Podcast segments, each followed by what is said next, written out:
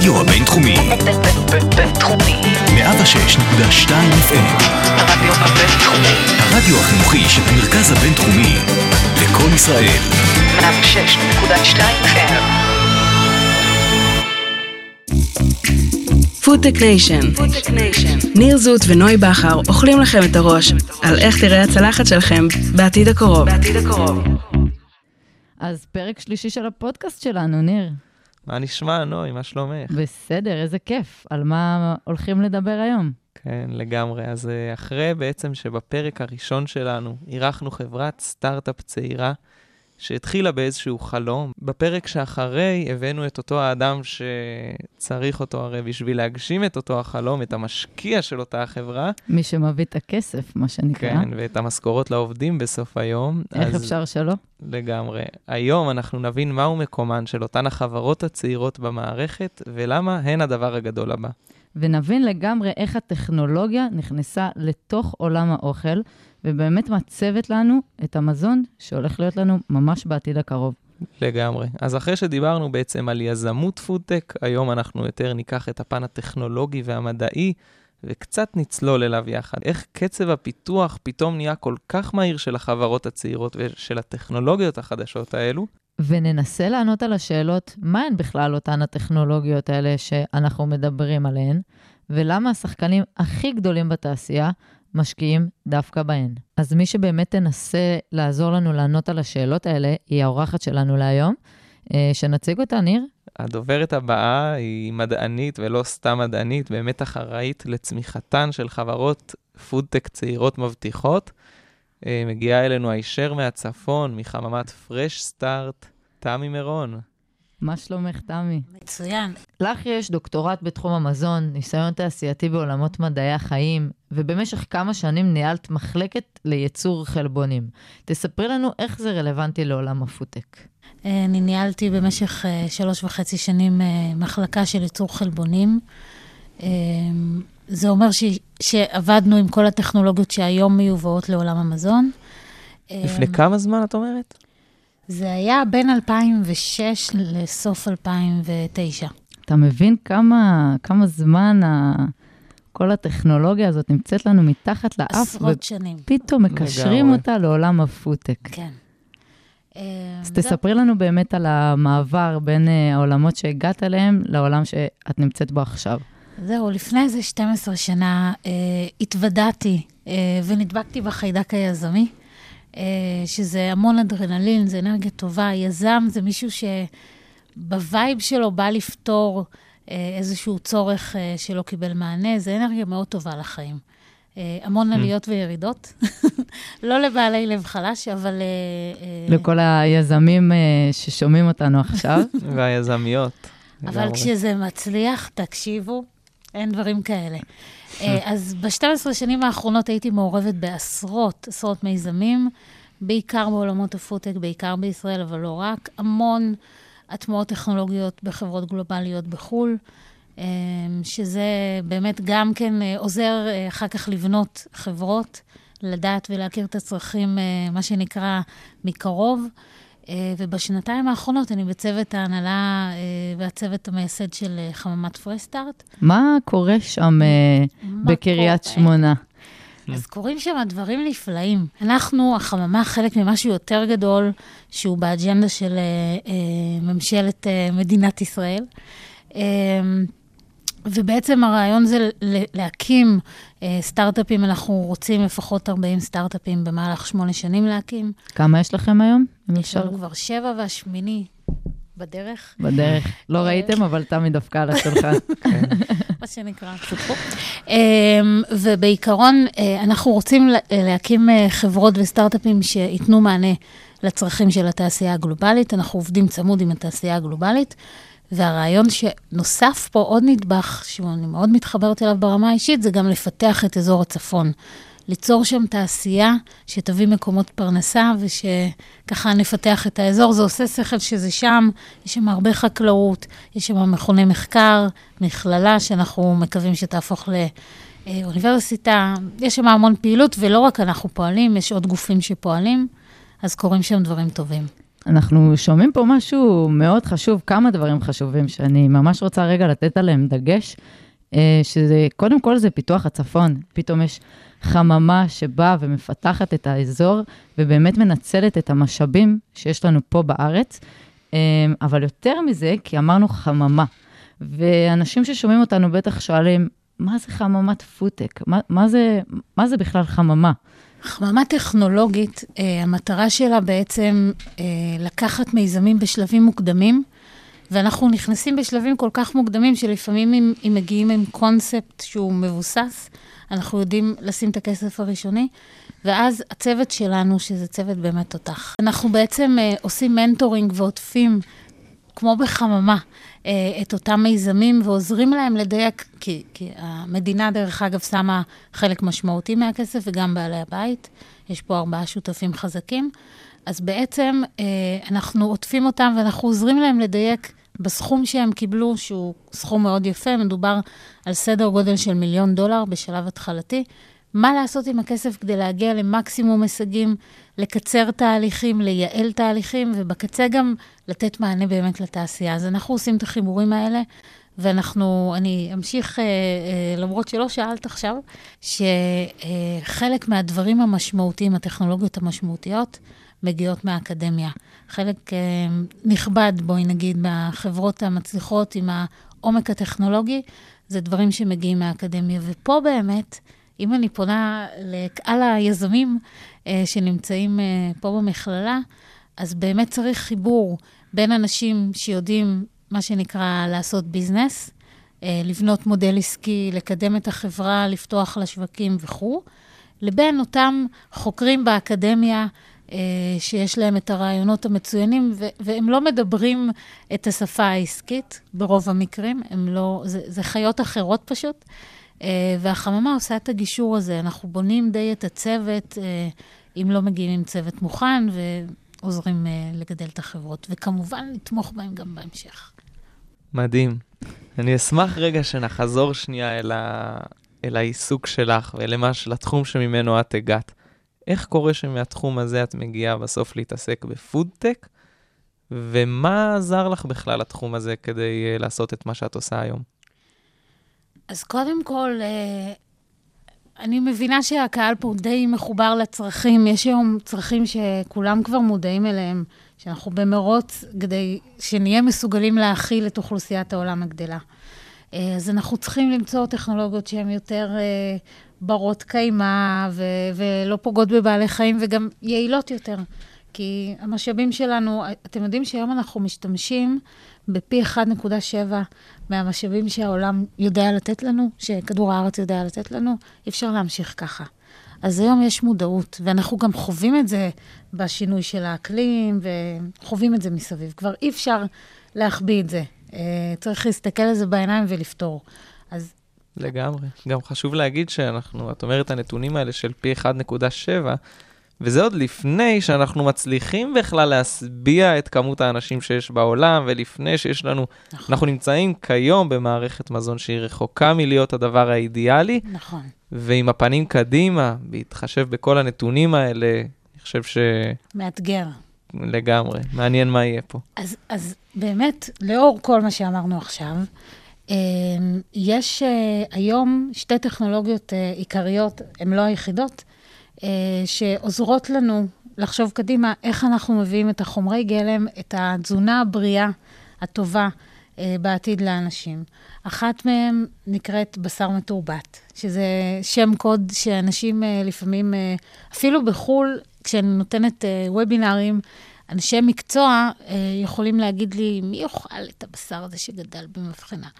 זה, זה נחמד להגיד, וזה גם יכול להיות שזה מאוד מתחבר לרוב המאזינים כרגע. אבל תחשבו אחרת. דרך אגב, ווינסטון צ'רצ'יל ב-1936 כבר אמר, למה אנחנו מגדלים את העופות בשביל לאכול בסוף רק את הכנפיים שלהם והחזה שלהם? אנחנו אוכלים אחוז מאוד נמוך מהבשר שאנחנו מגדלים, ועל הדרך פוגעים בכדור הארץ. אז יש לנו פה טכנולוגיה שמאפשרת לנו לגדל את אותם חלקים שהם בריאים לנו, את אותם רכיבים שבאמת חשובים לנו בתזונה, את החלבונים ואולי גם את הדם ואת את, את תאי הדם ותאי השומן שייתנו לנו את הטעם הנכון והמראה הנכון. אה, ובדרך שלא פוגעת בבעלי חיים, וכנראה שהיא גם אה, יותר יעילה מגידול של בעל חיים שלם. זה הטכנולוגיה הזו. אה, יש, יש עדיין פערים שצריך, ופה באמת הצורך בעוד ועוד חברות פודטק ועוד טכנולוגיות כדי שיעזרו לנו להתקרב לדבר האמיתי. ויש עוד טכנולוגיה כזאת, רוצים שאני אספר לכם? ברור. אז עוד טכנולוגיה כזאת, היא מאפשרת לנו בעצם גם להביא את אותם רכיבים פונקציונליים, נקרא לזה, שהתעשייה צריכה, בשביל שנוכל בצורה יעילה לקבל אה, אה, מוצרי מזון. אני אתן לכם דוגמה. במקום לגדל אה, את הפרה כדי שיהיה לנו את החלב, אפשר לייצר את החלבוני חלב בתהליך שנקרא פרמנטציה. זה תהליך שהוא מוכר כבר אלפי שנים. מעולם התרופות גם. נכון. קודם כל, הוא התחיל בתעשיית המזון, תחשבו בירה, תחשבו יין, תחשבו יוגורט, זה תהליכי פרמנטציה, אפילו חמוצים. אה, אבל בתעשיית הביוטק כבר עשרות שנים, מעל 30 שנה לדעתי, משתמשים אה, אה, בתהליך הזה, שבעצם אנחנו מחדירים ליחידות פעולה קטנות קטנות, שזה או חיידקים או שמרים שמותרים לאכילה, אנחנו מחדירים להם את היכולת לבטא רכיב. אה, זה גם יכול להיות חלבון, זה יכול להיות הרבה דברים. ואז אנחנו בעצם מייצרים אה, את אותם רכיבים בלי לגדל את כל החיה בשביל לקבל משהו קטן ממנה. אה, אז היום עושים בזה שימוש ב, ב, באמת בתחליפי ביצה, בתחליפי חלב, במלא מלא מלא מלא מלא דברים. וזו גם טכנולוגיה ש, שהתעשייה משתמשת בה המון שנים, אבל כדי ש... בואו נזכור שהרכיבים של המזון, שלא כמו במדעי החיים או בביוטק, שאנחנו מסוגלים שם לשלם מאות אלפי ואלפי, בין אלפי למאות אלפי דולרים לקילו, בתעשיית המזון אנחנו מדברים על בין דולר לחמישה דולר, נגיד עשרה דולר זה וואו. אז אנחנו צריכים לעשות פה עוד הרבה מאמצים כדי שהעלויות של התהליכים האלה יפחתו, שכמובן אה, אה, לא נעשה שימוש ברכיבים מבעלי חיים כדי לגדל את המשהו שהוא לא בעלי חיים, ועוד דברים של אה, בטיחות. אז יש פה עוד דרך לעשות, אבל... אה... יש פה דרך לעשות, אני חושבת, כי מנקודת מבט של הצרכן, mm-hmm. נכון שכל התהליכים האלה, אנחנו מכירים אותם בעיקר מעולם התרופות, וכשאנחנו רואים גלולה, אנחנו, אוקיי, אומרים, המדענים עשו את שלהם פה והרכיבו את מה שצריך כדי שנרגיש טוב. והצרכן שבבית עדיין לא התרגל לעובדה שהטכנולוגיה גם נכנסה וצריכה להיכנס אה, גם לתחום המזון. למקרר שלו. כי הוא מצידו אומר... כן, מה יותר אינטימי מזה? מכניסים את זה לגוף, תחשבי על זה ככה. נכון. זה לצלחת, זה, זה המראה, כמו שתמי אמרה, ובני גם לפניה אמר את זה, והכל הכל פתאום נראה מוזר. למה שהטכנולוגיה הזאת תיכנס לי עכשיו לתוך הצלחת, מה שנקרא? זה, זה כאילו נשמע לא הגיוני, כי אני רוצה את המזון שלי, שמגיע מהטבע, לקחת אותו ולהשתמש בו as is. לגמרי, ותודה נוי, זה באמת גם דיסוננס שנשמח, כאילו, את יודעת, בסוף, תמי, אומרים, אה, את מגדלת, מה, את מגדלת לנו במעבדה את הבשר שלנו, אבל אנחנו רוצים להיות קרובים לטבע, אנחנו רוצים לאכול משהו ש... אה, נכון. שגדלנו עליו. לקטוף מהעץ גם. כן. בטח, גם אני רוצה. אה, וסיפרתי לכם ככה קודם, אני באופן אישי אוהבת לגדל בחצר הקטנה שלי, כן. הלא גדולה. את כל, כל הצמחים שאפשר לגדל, אה, ירקות, פירות וזה, זה נורא נחמד. קודם כל, זה לא כזה קל, אה, אבל, אבל זה גם לא הדרך שבה אנחנו נצליח להכיל את אוכלוסיית העולם הגדלה. יש פה גם עוד מגמה אה, שאנחנו לא דיברנו עליה ולא מדברים עליה, אבל זו מגמה שצומחת. אנשים נמצאים פחות בבית, פחות יכולים לבשל. כי בישול של משהו שלקחנו קטניות, זה אחלה. אבל רוב האנשים, אין להם את הזמן, ואולי גם היום כבר פחות את המיומנות, לבשל את הדברים של ה basic שהסבתות והאימהות של הסבתות אה, בישלו. אז צריך להביא פתרונות. Um, והרעיון הוא לייצר רכיבים שיהיו לא פחות בריאים, וייתנו לנו את אותה חוויה של אכילה. אה, אוכל חייב להיות קודם כל טעים. טעים זה גם בנראות, זה כל הסנסוריקה, גם בנראות, גם במרקם, גם בריחות, בכל הדברים ביחד. אנחנו אוכלים אה, בכל החוויות, שלנו. החושים שלנו מעורבים, בטח. אה, וכן, זו הדרך. צריך להביא פתרונות. אנחנו שמה עם הפתרונות. אה, אף אחד לא יודע איך בדיוק זה ייראה, אבל זה משהו שהוא תהליכי. אז אה, אפרופו פתרונות, אה, בואו נדבר אה, קצת על החברות, אם אפשר. חברות שמגיעות אליכם. איזה סוגי חברות מגיעות אליכם? וואו, המון. אז יש חברות שמגיעות, שמדברות על הטכנולוגיה עצמה, על הברזלים נקרא לזה. איך לייעל תהליכים, כל מיני דברים ש, שהתעשיות החדשות, הטכנולוגיות החדשות, מביאים עוד צרכים, מביאות איתם עוד צרכים. Uh, כל מה שקשור לניהול אנרגיה, כל מה שקשור לפחות בזבוז של אנרגיה ומים, או לטיפולים חדשים במים אה, שיהיו יותר זולים וברי קיימא. אני חושב שנשמע מבין השורות ככה, מתחיל להיות אולי קצת יותר מובן למה החברות הקטנות האלה, באמת אם אנחנו מסתכלים מי האנשים שמשקיעים בהם ומי רוצים לקדם אותם, פתאום אנחנו רואים את השחקנים הכי גדולים, מי שעד לפני כמה שנים היו בכלל, התעלמו מכל אותם החברות הקטנות. ולא מצאו איזשהו חיבור איתם, מה את, האם את רואה את זה בשטח, ו... ואולי את יכולה לחזק לנו למה זה קורה? בטח. Uh, קודם כל, החברות הגדולות, uh, היום כבר כולם מבינים שהם חייבים להיות חלק מזה, כי זה משהו שאי אפשר לעצור אותו וצריך לקדם אותו. Uh, וגם עוד דבר שהוא מאוד חשוב בכלל לחברות, בלי חדשנות ובלי uh, להביא את הדברים הבאים, חברות לא ישרדו. וזה גם משהו, היום העולם הוא גלובלי ומאוד תחרותי, זה גם החברות הגלובליות מבינות את זה.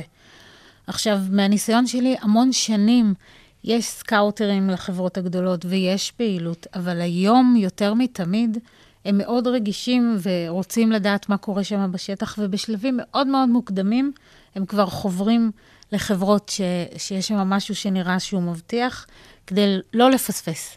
Uh, ובאמת, זה מאוד טוב לסטארט-אפים. Uh, אם אתם יודעים למי לחבור בארגון ואיך uh, לעשות את זה נכון, אז כבר משלב מוקדם הסטארט-אפ יכול לדייק את הטכנולוגיה שלו, את המוצר שלו. זה בעצם הלקוחות העתידיים של הרבה מהטכנולוגיות שאנחנו מפתחים היום. תמי, אחרי שקצת ככה צללנו, דיברנו על טכנולוגיות עמוקות ועל דברים, טיפה נתנו פה כזה איזושהי טעימה מהתחום הזה. אנחנו רוצים רגע לשתף אותך. הרבה אנשים מגיעים אלינו ואומרים לנו, איך אנחנו, איך אני יכול, איך אני יכולה להשתלב בתוך הדבר הזה. ואמרנו שאולי את, כמדענית שמובילה את התחום הזה ומכירה אותו כל כך מבפנים, תדעי לתת לנו איזה, או להם, למאזינים שלנו, איזושהי הכוונה. אז קודם כל זה באמת להתחיל אה, לפתוח פודקאסטים. הופה, יש פה פודקאסט. אה, לפתוח פודקאסטים ו- ולהיכנס לוובינארים. אה, ולהתחיל להתמנגל. Uh, בישראל סך הכל האקוסיסטם, וזה באמת uh, אחד מהדברים שמייחדים את החברה שלנו, uh, זה נקרא two degree of separation, שאם אתה רוצה להגיע למישהו, אז בדרך כלל מרחק של מקסימום שני אנשים ואתה מגיע למישהו. אז uh, נורא קל uh, להתחבר. ואת רואה מהמקום שלך את המקום שיש לאנשים ול... אפשר להגיד הרבה אנשים בתוך התעשייה הזאת כתעשייה שמתפתחת בצורה כזאת, גם אם הם לא מגיעים מהמקום המדעי. נכון, אני רוצה להגיד ולחדד פה אפילו לקהל הספציפי הזה, mm. שרוב היזמים בעולם הפודטק, ואני מניחה שגם בעוד עולמות, הם לא מגיעים, הם לא אנשי מקצוע של פודטק. כי צריך את החיבור וצריך את המוביל העסקי, את המישהו עם האוריינטציה העסקית אה, בכל מיזם. לא משנה כמה הטכנולוגיה תהיה טובה, אנשי טכנולוגיה לבד לא יכולים לפעול, תמיד צריך אנשים טובים. וחוץ מאנשים טובים, ואת יודעת מה, גם טיפ לאנשים אה, הטובים שנמצאים ושומעים אותנו, מה את חושבת שחסר היום אה, בשוק בהקשר לעולם הזה, שאנשים אולי יכולים לחשוב לכיוונים האלה כדי לפתח משהו? אה, חסרים המון דברים. אה, בעולמות של החלבון האלטרנטיבי, אה, ואנחנו לא מזמן מיפינו את זה, חסרים, חסרות טכנולוגיות או רכיבים שיביאו לנו את המרקם הזהה. אה, אותו דבר לגבי אה, חומרי ארומה ו flavor שיחסית פתור, אבל גם.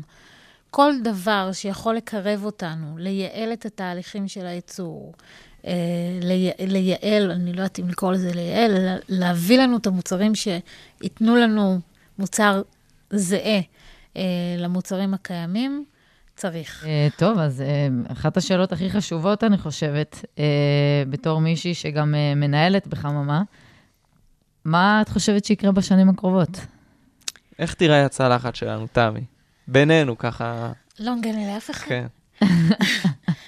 אז המוצרים הראשונים שייצאו אה, יהיו מה שנקרא היברידים, כיוון שדיברנו על זה, העלויות עוד גבוהות מדי, אז, אז משהו בין 2 ל-5 אחוז שילוב של אותם תאים שגידלנו אה, בתרביות, ישולבו בתוך מוצרים אה, סופיים. אה, זה יהיה ההתחלה של השוק. יש עדיין את החסם הרגולטורי, כי יש אחריות גם, אנחנו באים לעשות טוב. אה, אבל עדיין, אנחנו מייבאים טכנולוגיה מעולם תוכן אחד לעולם תוכן שני. בעולם התרופות, שאנחנו צורכים איזשהו רכיב פעיל, זה בדרך כלל במינונים קטנים, תחת אה, פיקוח רפואי, לזמן קצוב. כאן אנחנו מדברים על צריכה כרונית במהלך חיים, וזה לא, אתה לא יודע כמה אנשים יאכלו מזה. אז צריך uh, באמת ככה, הרגולטור uh, uh, נמצא שם, הרגולציה ברמה העולמית נמצאת שם, גם בישראל, כדי באמת, לפני שזה מגיע לצלחת, לוודא שזה לא יגרום לנו נזק. אז פה אפשר להוריד את החסם של החשש הזה. ובאמת, אני צופה שתוך בין חמש לעשר שנים, תלוי כמה אנחנו אופטימיים, כבר יהיו לנו את המוצרים אה, ככה יותר הארדקור, אה, אה, שהם מבוססי אה, תרביות. אה, לאו, דרך אגב, יש עוד טכנולוגיות שלא דיברנו עליהן, כאילו לקחתי שתיים ורצנו איתם. והרכיבים, נגיד, שמגיעים מפרמנטציה, כבר היום נמצאים. אה, יש אה, כמה חברות שהן כבר שם. אה, חברה ראשונה שלדעתי הוציאה מוצרים שהם אה, תוצרי פרמנטציה, חברה שנקראת Perfect Day, הם uh, פועלים בארצות הברית.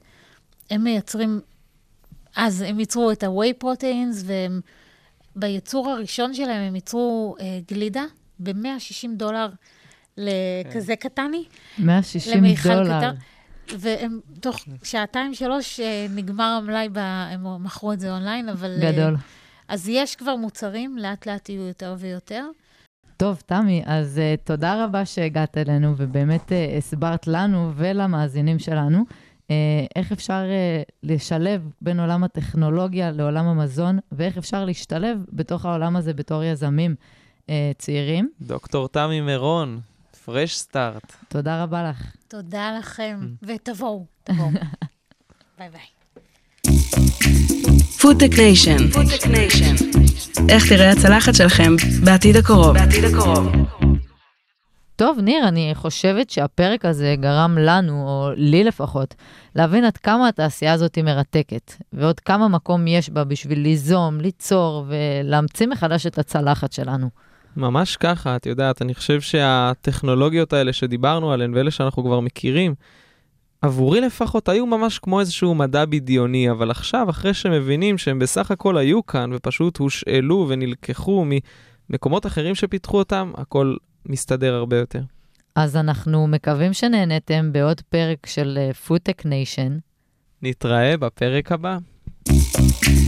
FoodTech Nation. ניר זוט ונוי בכר אוכלים לכם את הראש על איך תראה הצלחת שלכם בעתיד הקרוב. בעתיד הקרוב.